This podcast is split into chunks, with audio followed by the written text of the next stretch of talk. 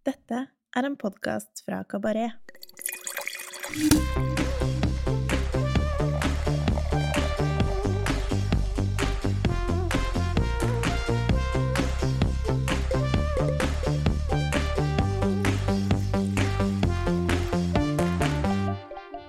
Hallo, hallo. Velkommen til eh, Ukas vin, en podkast fra Kabaret der vi hver uke tester én vin som vi enten digger eller har trua på.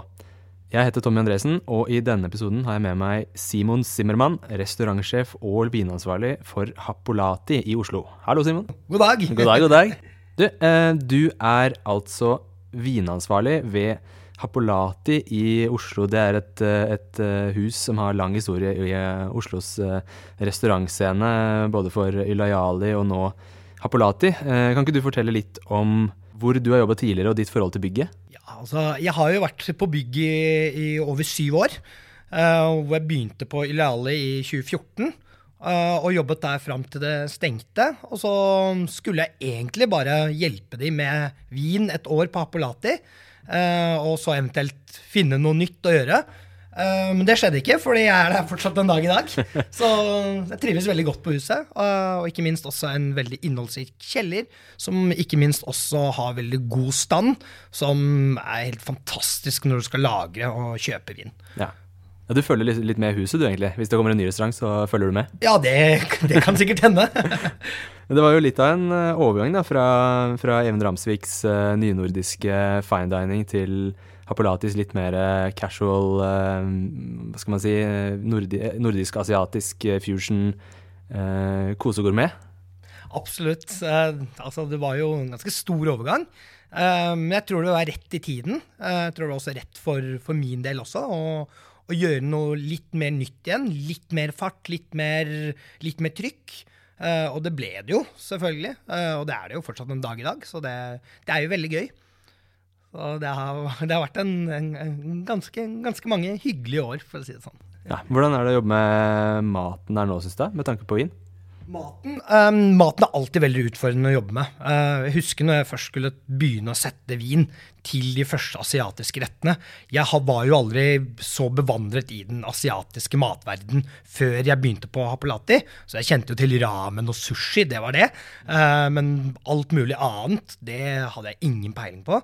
Så de første månedene, eller det første året, så reiv jeg meg jo ganske mye i håret og hadde jo absolutt ikke peiling på hva jeg dreiv med, for jeg, jeg greide ikke spice. Det var veldig mye uvante smaker som jeg eh, ikke hadde vært borte før, så jeg hadde jo egentlig null peiling på egentlig hva jeg skulle plukke, hva som balanserte hva.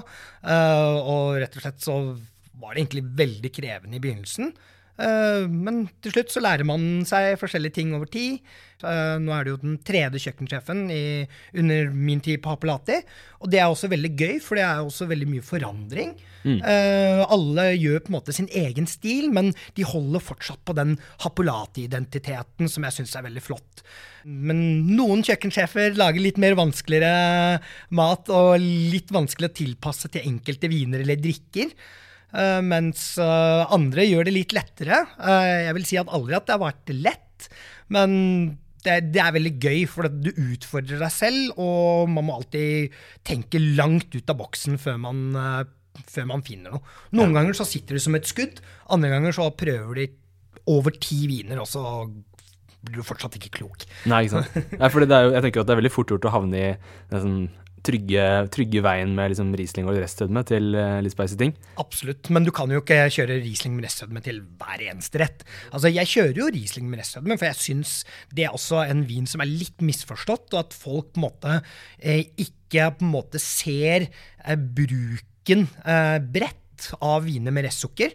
Uh, I dag så er det så mange viner på markedet med restsukker som er så høy kvalitet, uh, hvor det er mye balanse, og hvor vinen også rett og slett faktisk er vanvittig god bare å drikke aleine, men også er utrolig flotte til type asiatisk mat, spice, ting med litt dybde. Så, så Riesling med restsukker eh, bruker jeg jo relativt ganske mye, eh, og noen ganger ikke i det hele tatt. Mm. Så, så det, det er alltid, alltid gøy. Har du lært deg noen spesielle andre måte, triks eh, som funker når det er snakk om litt, eh, litt spice og, og chili og sånn, eller? Absolutt. Um, først og fremst um, konsentrasjon i viner. Uh, altså viner med høy konsentrasjon, greier som oftest å ta en del spice og en del liksom skarpe smaker. Eh, og ikke minst også viner med, med høy konsentrasjon av fruktsødme. Altså ekstremt fruktige, aromatiske viner. ikke sant? Sånn tørr muskat, sauvignon blanc uh, osv. Så, videre. så, så man lærer veldig mye ting. Jeg har lært veldig mye ting uh, de siste årene. Ja, ja, det er interessant. Hvordan, hva tenker du om røde viner, da? Hvordan funker de med, med det kjøkkenet du jobber med nå? Det er litt vanskeligere. Um, rødviner har jo som oftest alltid litt mer tanninstruktur. Uh, det er jo også, Noen av disse vinene har jo også litt høyere alkohol. altså Vi har en tendens til å se mye høyere naturlig alkohol på, på mye av de vinene som kommer, i, kommer fra forskjellige landene i dag. Og det er ikke alltid like lett, men noen ganger så kan det bli litt for mye. Så så rødviner er definitivt kanskje den største utfordringen. Um, og noen ganger den største overraskelsen, og andre ganger egentlig det letteste. Så, så det, jeg vil nok si at det er både og. Ja, for det var jo en Apropos overraskelse, så har jo eh, to veldig morsomme kombinasjoner jeg har smakt eh, på mine besøk hos apparatet. Jeg har jo vært til, ja, begge har vært til nudelsuppa som dere har servert. Den første var en madeira, som dere kjørte for noen år tilbake. Og den andre gangen nå sist i eh, Var det i sommer eller i våres, hvor du hadde en Var det en rioja? Det stemmer, ja. De, Til, de, eh, de gamle riojaene. Ja. Ja. Det tenkte jeg liksom sånn Oi, det hørtes jo Kommer, kommer det til å funke, liksom? Men det, det var en overraskende god match som bare forandra hele vinen. Eh, utrolig kul kombinasjon. Ja, det, vi vi jobba ganske mye med den. eh, og som sagt, altså, vi var jo stengt ned ganske lenge. Uh, og det, egentlig Resultatet av den matchen var vel egentlig mer at vi jobbet veldig aktivt med kjøkkenet. Og prøvde å skape mer en rett til vinen. Pga. at vi satt igjen egentlig med veldig mye vin fra julebordsesongen uh, før vi ble stengt ned. Ja. Uh, og sitte igjen med store mengder med gammel rioja i slutten av, eh, av mai, hvor det er ganske varmt og deilig. Det er jo ikke alltid like gøy, det. Eh, men vi fant en god bruk for det, og der er det jo alltid veldig gøy å da jobbe da aktivt med kjøkkenet for å da skape eventuelt da retter til viner, og ikke direkte viner til rettene. da. Så det, det, alltid var- det syns jeg også er veldig gøy. Så, å jobbe veldig aktivt med det, da. Ja, for de, de kombinasjonene der de dukker ikke opp ved planlegging. De dukker opp med litt sånne spontane, kall det litt uhell, nesten. Ja, man kan si det. Um, den madeira- og suppekombinasjonen er jo en, en kombinasjon eller en pairing som er eldgammel. Altså Den går jo tilbake til viktorianske tider, um, hvor det var veldig vanlig med buljongsupper, og, og ikke minst det man hadde som var kraftig nok til disse, disse rettene, var jo madeira, sherry. Så hvis du ser på Grevinnen og hovmesteren, så er det jo alltid sherry til suppen. Ja, ja. Så det er, jo, det er jo en kombinasjon som er så gammel, og som vi egentlig ikke tenker på, fordi at den er på en måte, hvis man kan si, litt sånn utdatert. Um, og jeg syns at den, den fortjener mer, mer Hva kan man si for noe? Eh, mer heder og ære da, Ja. eh, enn en, en, en det man kanskje tenker. da. Og Det er jo det som er utrolig morsomt med disse old school, altså old old school kombinasjonene. Eh, hvis du ser f.eks. på mye av disse gamle Nobels fredsprismenyene tilbake til tidlig 1900-tallet, så er det alltid en sherry eller en form for en oksidativ hetvin til disse buljongsuppene. Så dette her har jo vært veldig vanlig langt tilbake i tid. Ja, dette er ikke Bocuse old school, dette er liksom viktoriansk tid old school. Viktoriansk old school, det stemmer. Men Ja, det er eh, det er jo veldig gøy å på en måte gi disse kombinasjonene litt liv igjen. For det er vanvittig gode kombinasjoner når de først treffer. Ja, enig. Veldig gøy.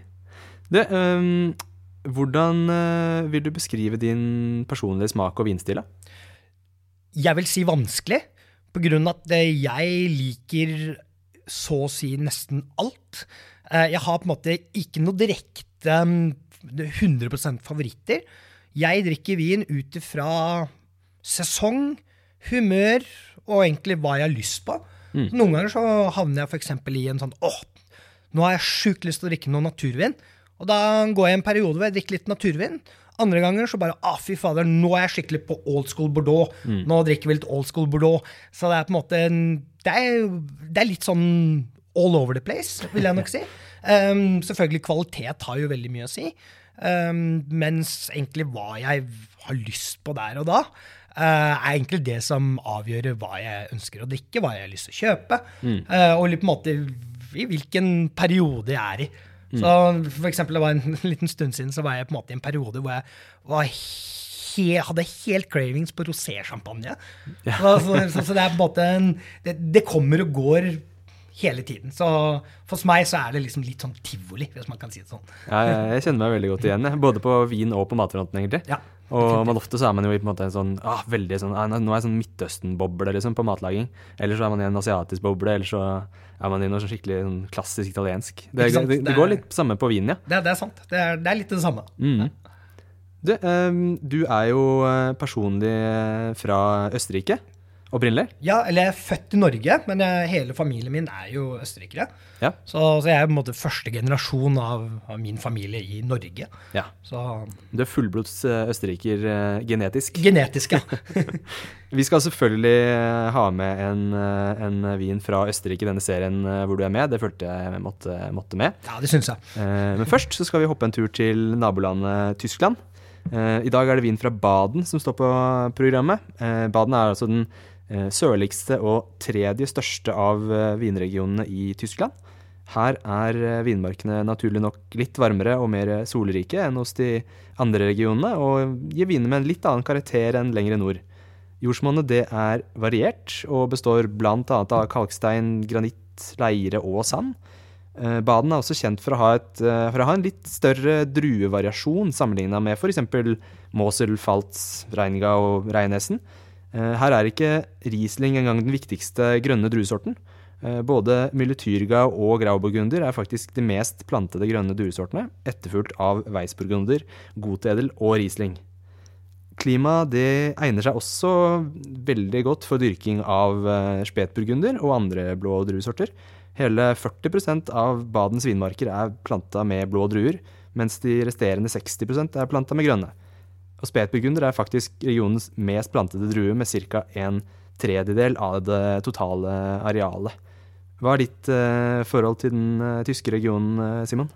Baden, veldig interessant region. Det er en veldig lang region. altså Den strekker seg jo ganske langt, altså hele veien ned til Bodensee. Um, altså grensen ned ved Sveits. Så du har jo en ekstremt stor druevariasjon i forhold til klima, jordsmonn, som du nevnte. Uh, og det er jo mye ting som skjer. Uh, det er jo en region som også kanskje er kjent også for kanskje mer volumviner. Uh, men det fins jo selvfølgelig en god del flotte produsenter som, og små produsenter som lager veldig gode viner. Eh, både fra nord, sør, øst og vest, egentlig. Så det er en ganske interessant region. Det skjer veldig mye. Eh, som du nevnte, altså Spetburgunder er jo den mest beplantede røde. Um, og hvis vi også skal snakke litt om den hvite druen Muller Tugal, så begynner jo den å gå litt ut av fashion. Eh, det som skjer i regionen i dag, er at det er veldig mange som, som kvitter seg eller river opp Muller Thurgauen og planter det med spepegunder isteden.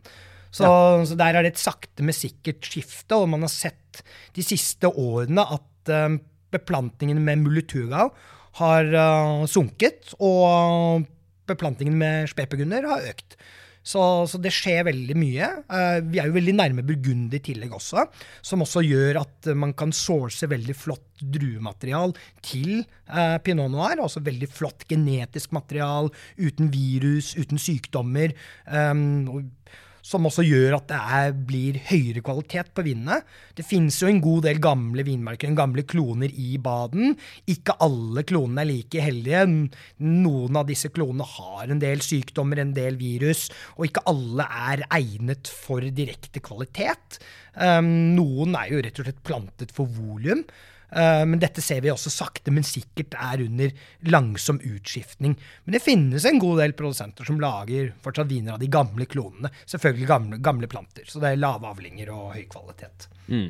Ja, det er som du sier, det er ikke, det er ikke voldsomt uh, mange kvalitetsprodusenter som er uh, verdt å snakke om i Norge i dag, men det finnes noen. Har du noen favoritter eh, selv? Det finnes noen. Altså, du har jo Shelter Winery, som lager veldig flotte pinot noirer. De lager også en, en chardonnay. De lager museene, som kanskje er den beste museene jeg har smakt fra Baden. Så, sånn champagne-style. Vinmakeren eh, Hans Beat Espe er veldig glad i Egleoré, så han lager jo sin musserende som Egleoré-vinene, rett og slett. Eh, 100% pinot, selvfølgelig. Eh, og det er jo ekstremt høy kvalitet på de. Eller så har du jo Wasenhaus. Du har også da Henrik Møbitz, eh, som også er veldig vanskelig å få tak i, fordi han eier jo egentlig bokstavelig talt nesten nada og niks. Produserer jo nesten ikke noe vin av de få hektarene han har. Um, det er vel kanskje de absolutt beste produsentene. Hvis man også skal snakke litt om hvitprodusenter, så har du én vanvittig god Riesling-produsent. I tanke på at Riesling er kanskje ikke det man tenker på mest når, er, når man hører Baden. Uh, det fins et lite hjørne helt uh, nordøst i Baden, uh, hvor du finner Sloss Neuweier og vinmaker Robert Schätzle, som lager noen helt fantastiske Rieslinger. Og det er vel kanskje en av de, en av de eneste gode Riesling-produsentene i, i Baden. Uh, mens uh, ellers så snakker vi burgundsorter, altså spet, weiss, grauburgunder og osv. Ja.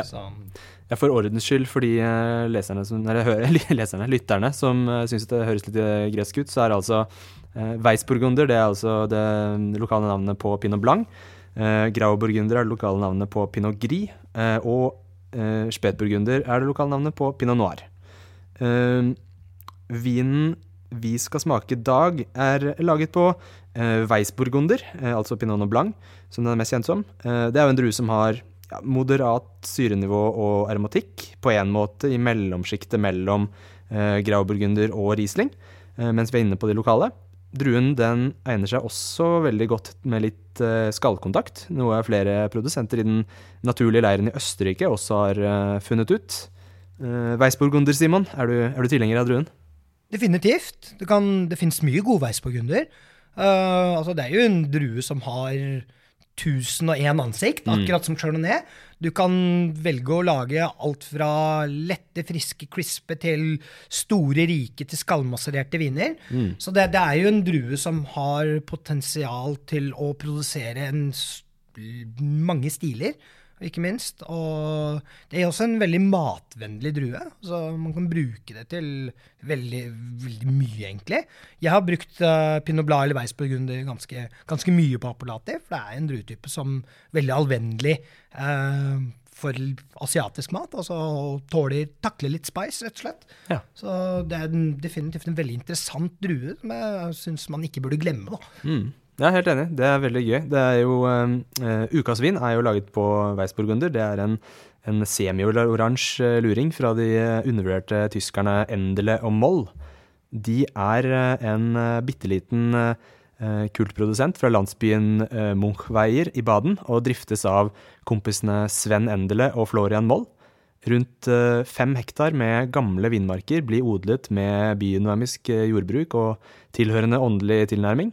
Da de to startet opp i 2007 med under to hektar vinmark, var de ganske alene om å lage naturlige viner i Baden og ble, ble sett på litt, som litt rebelske. Mens de fleste andre produsentene i regionen fokuserte på effektivt jordbruk med høy avkastning, kraftig bruk av eik samt høy modning og alkohol, så gikk Endele Moll rett og slett motsatt vei. Gamle vinmarker, lav avkastning, naturlig jordbruk, kun modning på brukte fat og ståltanker og en forsiktig hånd i kjelleren er stikkord som definerer vinene til Sven og Florian. Pinot noir det er definitivt påfuglen hos tyskerne, men det dyrkes også andre lokale varianter, som Müller, Tyrgau, Grauburgunder og Weissburgunder. I kjelleren så presses druene med en gammel kurvpresse før de modnes på brukte fat. Vinene er ufiltrerte, og det tilsettes kun en minimal dose svovel ved flasking for stabilitet. De hvite vinene får opptil to uker med skallkontakt, mens de røde er ja, si, fjærlette, elegante, jordlige og saftige. De røde vinene de deles opp etter to ulike typer jordsmonn, kalkstein og sandstein. Village-kuveen Liaison det er en blanding av de to, mens de røde toppkuveene Musselkalk og Buntsandstein er basert på hvert sitt jordsmonn. Der hvor altså musselkalk er det kalkrike, og Buntsandstein er sandsteinsjordsmonn. Det må også noteres at Sven Endle han, han ser ut som en blanding av en hipsterbiker og en galler fra Asterix med ganske så frekk skjeggvekst. Det må googles. Per i dag så er fire av deres hvite kuveer tilgjengelig for bestilling på polet, mens fem av deres røde kuveer er mulig å skaffe på utvalgte pol rundt om i landet gjennom tilleggsutvalget. Dette er eh, etter min mening eh, fantastiske viner som eh, fremdeles flyr eh, elegant under radaren til de fleste. Eh, Det gjenstår å se hvor lenge det varer. Har du noe forhold til produsenten, Simon? Jeg har smakt en liten del eh, tidligere, eh, og faktisk nå i det siste også. Um, det er en veldig flott produsent. Um, de har vært veldig innovative um, i den naturlige bølgen i baden. Som, som du nevnte, det har jo vært veldig mye kommersiell uh, produksjon, og det har jo også heller ikke vært så mye um, små produsenter som har laget vin før i tiden. Men Edle Moll er kanskje en av de første, altså pionirene da, innen naturlig produksjon uh, av, av, av vin egentlig i baden. Og så har det jo dukket opp, og så har flere folk da fulgt etter, som, som alltid er en veldig positiv ting. eh, for å på en måte utvikle regionen eh, sånn, som, sånn som den er blitt i dag, da. Og den vinen vi skal smake i dag, det er uh, kuveen Weissburgunder Muschelkalk. Den er biodynamisk dyrket. Eh, det er 40-60 år gamle vinstokker som er planta i et jordsmonn av kalkstein, altså muschelkalk. Eh, druene presses i en gammel kurvpresse, og mosten spontanfermenteres med ca. to uker skallkontakt. Videre modning eh, i ti måneder på bunnfallet på store, gamle fat. Vinen er ufiltrert og lavsvovlet. Druetypen er 100% Weissburgunder, og på polet så koster vinen 309 kroner. Yes. Simon, skal vi smake litt? Gjerne. Ja, hva tenker du om fargen, Simon? Den kan jo ikke lytterne se, men den er eh, Det er, det er litt farge her. Det er litt farge her, ja. Det er det. Uh, jeg jeg syns den er ganske, ganske Det er en ganske pen farge. En pen oransje farge. Eh, den er sånn lyseoransje. Den er ikke helt klar. Den er litt sånn hazy, eh, som man forventer um, fra denne produsenten. Altså, ting er ikke klare, ting er ikke filtrerte. Um, men det gjør egentlig ingenting. Det gir egentlig det er litt sjarmerende. Um, vinen er jo veldig, altså Fargen er veldig frisk, eh, og det er jo et veldig godt tegn. Ja, Den ser liksom ikke grumsete brun ut. Den er mer sånn eh, litt glødende aprikosoransje, på en måte. Ja, det kan jeg si. Absolutt. Ah, det lukter eh, veldig godt, syns jeg. Skikkelig, skikkelig fruktdrevet, fresh eh, nese. Deilig. Tydelig, tydelig preg av skallkontakt, men ikke sånn Ikke ekstremt. Dette er ikke, dette er ikke oransje muskat eh, ekstremt i Absolutt ikke. Den er veldig pent ekstrahert. Um, det er ikke for mye. Det er ikke for mye liksom spice og jord. Det, du får frem en god del av disse deilige hva kan man si, Nesten litt sånn appelsinskalltonene. Men en annen ting som jeg også syns er utrolig flott med denne vinen, her, at den får litt, litt toner av f.eks. hvit te. Ja. Teblader. Utrolig delikat. Helt, helt enig. Jeg satt og tenkte på te selv. Eh, og floral uh, syns jeg også. Definitivt. Masse blomster. Og det er litt sånn digg at den går mot, som du sier eh, Det er litt nerdete, men at den går mot hvit te fremfor liksom sort te, føler jeg liksom er sånn fin kvalitetsgreie. at den liksom er heller er floral enn den er jordlig, da. Absolutt. Og frukten er veldig sånn, føles veldig sunn. Veldig eh, aprikos, eh, appelsinsest. Litt, litt tropisk. Litt tropisk, ja.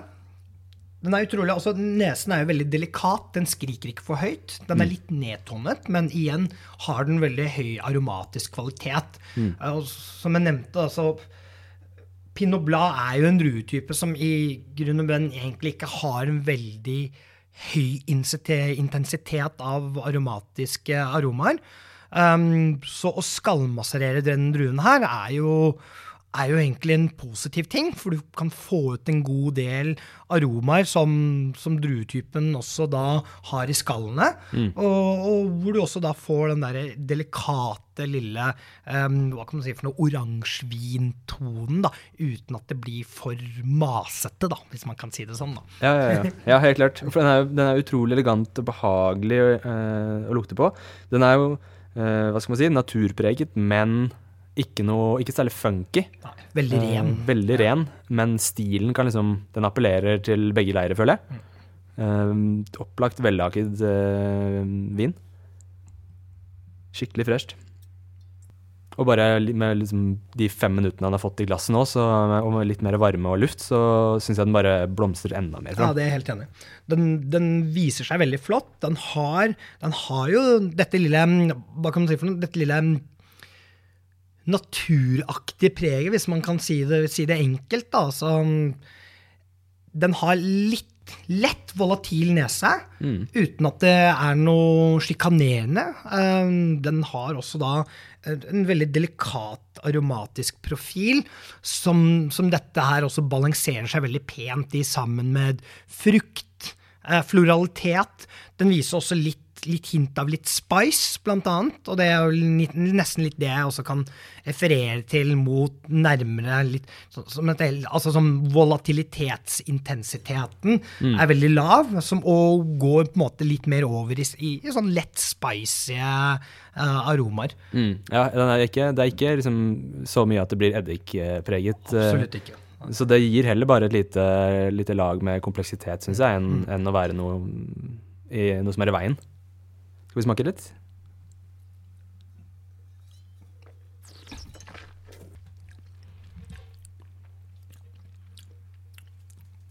Veldig flott, veldig frisk. Veldig frisk.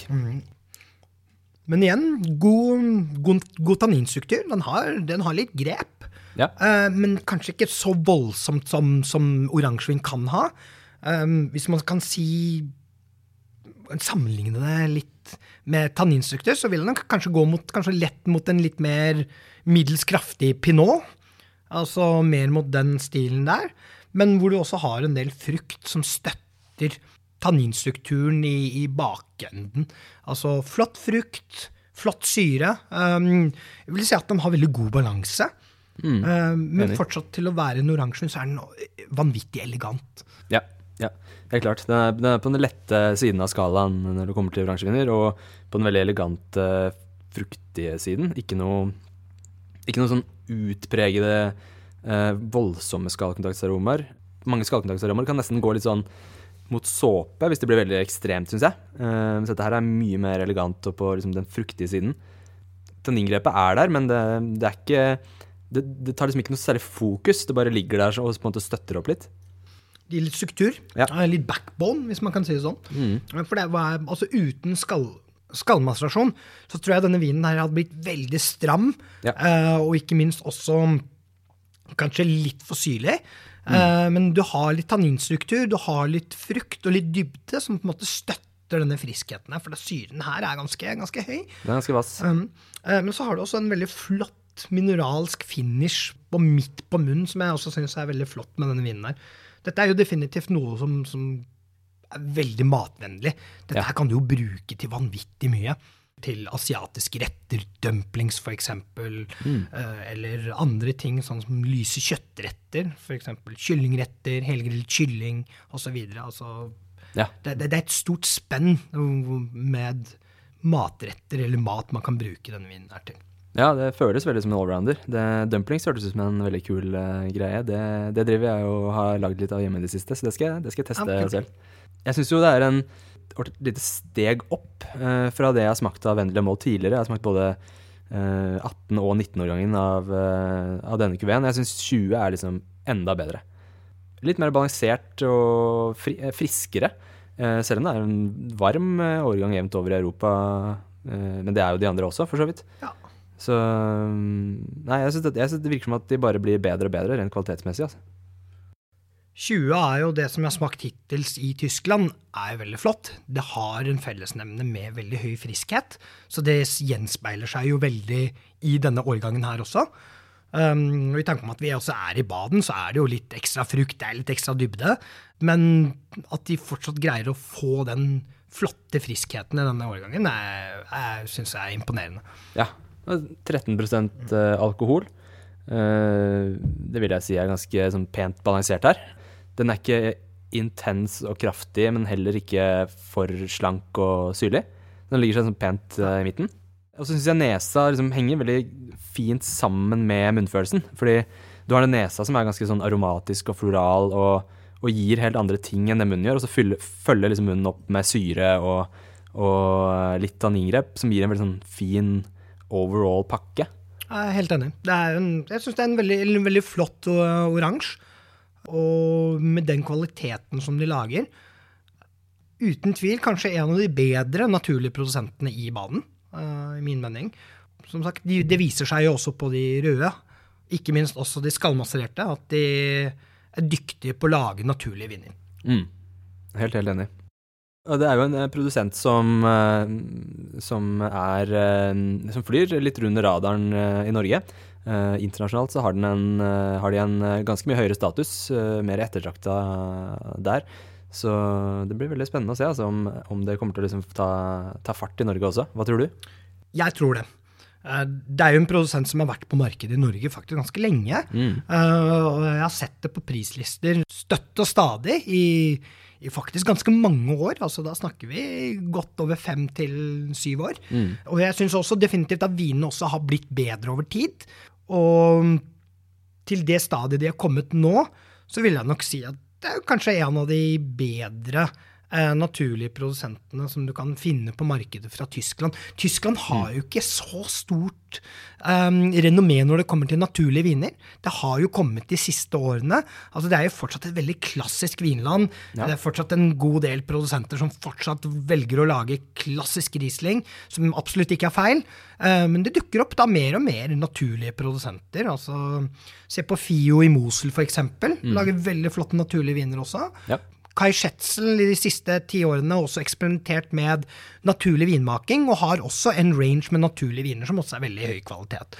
Så, så det dukker opp en del nyere produsenter i ny og ne, eh, som også da er selvfølgelig i, i tiden. Mm.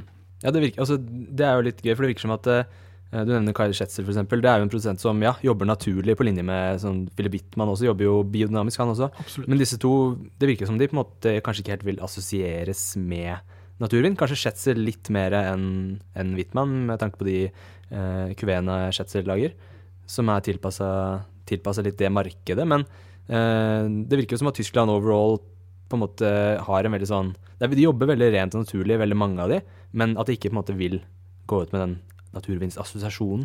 Altså, de må jo også først og fremst selge vinen sin. Um, ja. Og med det markedet som har blitt skapt og har kommet med stor etterspørsel av naturlige viner, ufiltrerte viner, skallmasserte viner, så følger også noen produsenter også med. Um, godt eksempel er jo også Katarina Wexler, som også, mm. uh, også, har god kjennskap til Kai. Uh, som også da har en range med klassiske viner, og en range med naturlige viner. Akkurat på samme linje som, som Kai Schetzel også har. Mm. Um, og så har du jo også da en, en del produsenter som på en måte ikke ikke lager Riesling, som også da lager naturlige viner, som f.eks. da Erdler Moll eller Wasenhaus i mm. Baden. Mm. Um, og jeg tror også Baden er kanskje det området hvor vi også vil se kanskje mer og mer naturlige vinmakere uh, dukke opp. Litt på grunn av at de på en måte ikke har dette Riesling-renommeet. Mm. Uh, hvor det også fins mer spillerom til å eksperimentere mer med de druetypene de har, som f.eks. Weissburgunder, Muller-Turgau, Gotedel f.eks. Uh, og ikke minst også Pinot Noir. Eh, så, så, jeg tror dette er bare begynnelsen av, av, det som kommer til å skje uh, med utvikling. Mm, ja, Veldig spennende. Jeg er helt enig. Uh, tusen takk, Simon. Det ble en uh, kjempefin episode om Baden og Endela Moll, syns jeg. Veldig, veldig fresh og god vin. Følg med i neste episode. Da tester vi en fantastisk fruktig og nerverik pinot noir fra Australia. Simon han blir med oss videre. Adjø. Auf Wiedersehen. Husk at du finner info om vinen vi smaker på i episodeinfoen. Der finner du også en liste med produsentene vi nevner i episodene. Har du ris eller ros, må du gjerne sende en mail til vin at kabaret.no. Husk å abonnere på podkasten, og gi oss gjerne noen stjerner.